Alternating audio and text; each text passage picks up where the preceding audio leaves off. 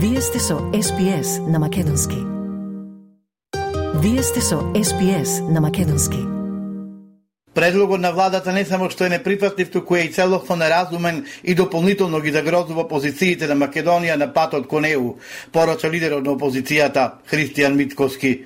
Тој уште еднаш потврди дека ВМРО ДПМН останува цврсти на ставот дека уставни измени по услови на бугарски диктат и условувања се неприфатливи за неговата партија. Туку владата дополнително го усложнува процесот со тоа што дефинираше текст на уставните измени кој што не само што не е прифатлив, туку можам да кажам и дека е тотално неразумен и ваков како што е дополнително ги загрозува позициите на Македонија во рамките на напредокот кон полноправно членство кон Европската Унија.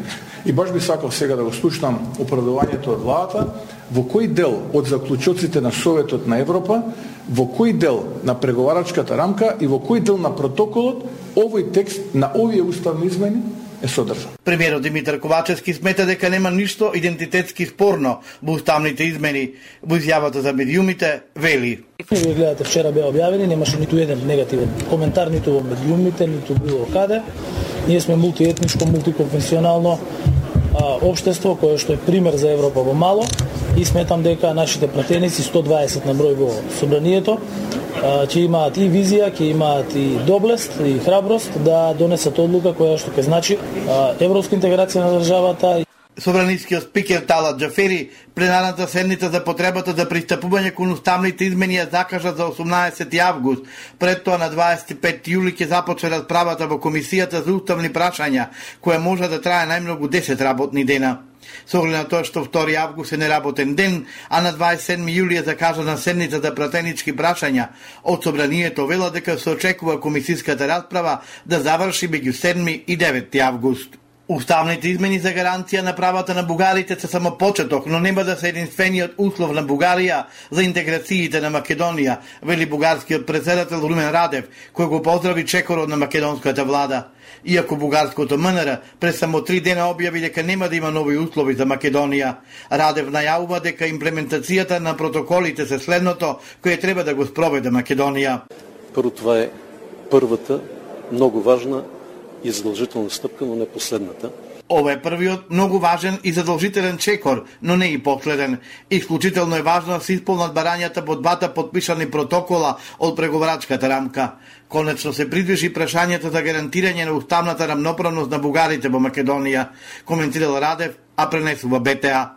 Шепот на бугарската држава посочил дека само партијата има таков народ ја поддржала неговата идеја дека вклучувањето на бугарите во македонскиот устав ќе биде задолжителен услов за нашата земја да ги почне преговорите за ЕУ. Радев изразил загриженост поради тоа што бугарскиот парламент и владата не реагирале на резолуцијата усвоена од германскиот Бундестаг за поддршка на европскиот пат на Македонија, па како што рекол, морал да испрати писмо до европските лидери во кој инсистирал на бугарскиот став. Поред него власта треба да вложи напори за следните чекори, говорот на омраза, медиумите, учебниците, надписите во музеите, рехабилитацијата на репресираните во Македонија и така натаму. Откако уставните амандмани стигна на адреса на парламентот, охрабрувачка порака пристигна и од официјален Вашингтон. Високиот американски представник за Западен Балкан Габриел Ескобар во дебата во Конгресот порача дека го поддржува процесот за уставни измени, што ќе го возможи пристапувањето на Македонија во ЕУ. Ескобар истакнува дека е посветен да обезбеди гаранции дека новата бугарска влада нема да има нови барања. To further e- its EU aspirations, the government of North Macedonia has committed to a constitutional change to recognize its Bulgarian minority. We strongly support this difficult but necessary step. Јасно е дека нема две третини од пратениците кои во овој момент ќе гласаат за уставни измени, а опозицијската ВМРО ДПМН без аргументи го кочи процесот, грижејќи се единствено за партискиот интерес, вели председател на државата Стево Пендаровски во интервју за Слободен печат. Поред него и на политичките лаици им е јасно дека и да дојде ВМРО ДПМН на власт, нема да може да ја смени преговарачката рамка, бидејќи повторно ќе треба согласност од Бугарија. Цитирам, Јас не велам дека не се разговара со пратеници, но од оно што го гледам во средствата за јавно информирање, не можам да видам дека таму се менува расположението, макар и кај еден пратеник, за да можам да тврдам дека ќе има уставни измени. Велам треба да има, императив е да има, да, затоа што ако нема ние практично остануваме во една посебна подгрупа со Босна и со Косово. И ако до 1 декември не го смениме уставот, можно е и Албанија и Црнагора да тргнат забрзано кон Европа, а ние сами себе да се блокираме, посочува во интервјуто за Слободен печат председателот Пендаровски. За Пендаровски не се јасни аргументите на опозицијата зошто е против уставни измени, а таков печаток вели дека имат и странците кои изминативе денови беа во посета на земјава на средби со представници и од власта и од опозицијата. Според него, доколку не се случат уставни измени, државата нема да пропадне, но не може да напредува како што би напредувала кога би била во европските интеграции, би ги користила сите фондови и совети за да можеме да просперираме и во економијата, социјалата, политиката, културата, владењето на правото. Пендаровски во интервјуто зборува и за можната посета на земјава од страна на францускиот председател Емануел Макрон. Од ВМРО ДПМН испратија реакција до медиумите, во која велат дека не очекуваат председателот Пендаровски да ги разбере нивните аргументи за уставните измени, но народот, како што велат, ги разбира бидејќи се во корист на државните интереси. САД подготвуваа црна листа со 19 имиња на политичари од Западен Балкан, меѓу нив и од Македонија. Ова го објави телевизијата Ал Джезира, коментирајќи го говорот на американскиот пратеник за Балканот Габриел Ескобар. Списокот се подготвувал пет години, а целта била да се открие кој ги обструира американските напори за напредок на државите од Западен Балкан. Најавата за проширување на црната листа со македонски државјани, поред вице-премиерката за добро управување Славица Грковска, е дел од напорите на американските власти за справување со борбата со корупцијата.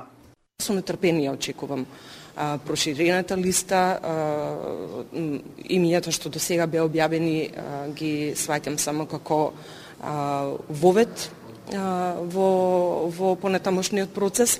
Меѓутоа, пак ќе кажам, а, главната домашна задача е наша, на нашите институции, а, на нашите лидери, Американското министерство за финансии го означи македонскиот бизнисмен Орте Камчев согласно извршената наредба на председателот Џон Бајден од јуни 2021 како лице кое е закана за стабилноста на Западен Балкан преку корупција, соопшти министерството.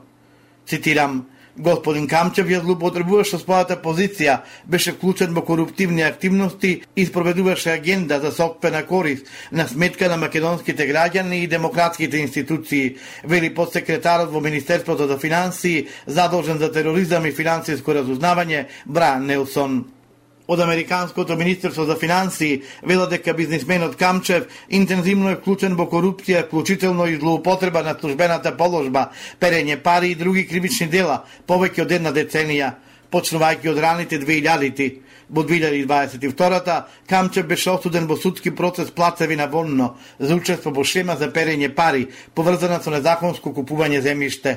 На друго судење, Камчев призна вина за тешка злоупотреба на службената положба во случајот Империја, во кој беше осомничен за злосторничко одржување измама, перење пари и други кривични дела поврзани со неговите бизниси.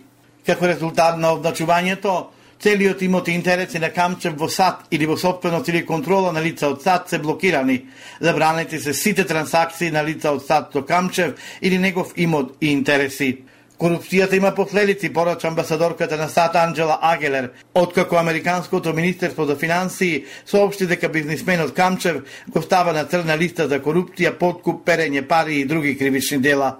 Цитирам, Овие санкции не влијаат само врз поседувањето и имото на господин Камчев, туку и врз оние кои имат бизнис со него. Сад ќе продолжат да таргетираат корумпирани поединци кои што го подкопуваат владењето на правото и стабилноста на Македонија. Корупцијата има последици, напиша Агелер. Функционерот на Дуи Исмет Гури е донесен во основниот кривичен суд Скопје, потврдуваат од судот за Мија.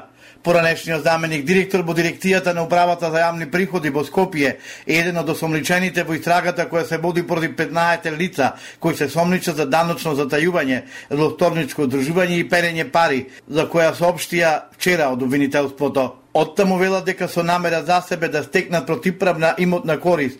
особличените го довеле во заблуда да носниот орган УЈП и неосновано побарале и добиле враќање на ДДВ од околу 840.000 евра. Министерот за внатрешни работи Оливер Спасовски вели дека акцијата на МВР и обвинителството за организиран криминал и корупција не влијаело тоа што поранешниот директор на управата за јавни приходи Гури бил бунтовник во Дуи. Тој ова го изјави на ТВ Сител. Минатата недела Гури беше осуден на 3,5 години затвор за изборни злоупотреби во случајот Титаник 3. Пратениците од владеачкото мнозинство ги усвоија измените на законот за извршување, со кој оној момент кога износот на каматата ќе го достигне главниот дол кредитот, тука застанува. Нема сумата да расте до бескрај, како што беше досега, кога граѓаните, на пример за кредитот 500.000 денари, враќаат 3,5 милиони денари и остануваа во должничко робство за измените кои граѓаните ги чекаа со години, во парламентот не гласаа пратениците на ВМРО, ДПМН и на Левица. Дури 36 пратеници од пратеничката група на ВМРО ДПМН на пленарната седница во Собранието не дадоа поддршка за новиот закон за употреба на македонскиот јазик. Голем дел од нив или осуспувале од седницата или пак воопшто не гласале. За законот за македонски јазик не гласале ниту пратениците од Левица, Димитар Пасиев и Борислав Крмов, како и пратеникот од Демократскиот сојуз Павле Трајанов. Вие сте со СПС на Македонски. Стиснете, ми се допаѓа, споделете, коментирајте. Следете ја SPS на Македонски на Facebook.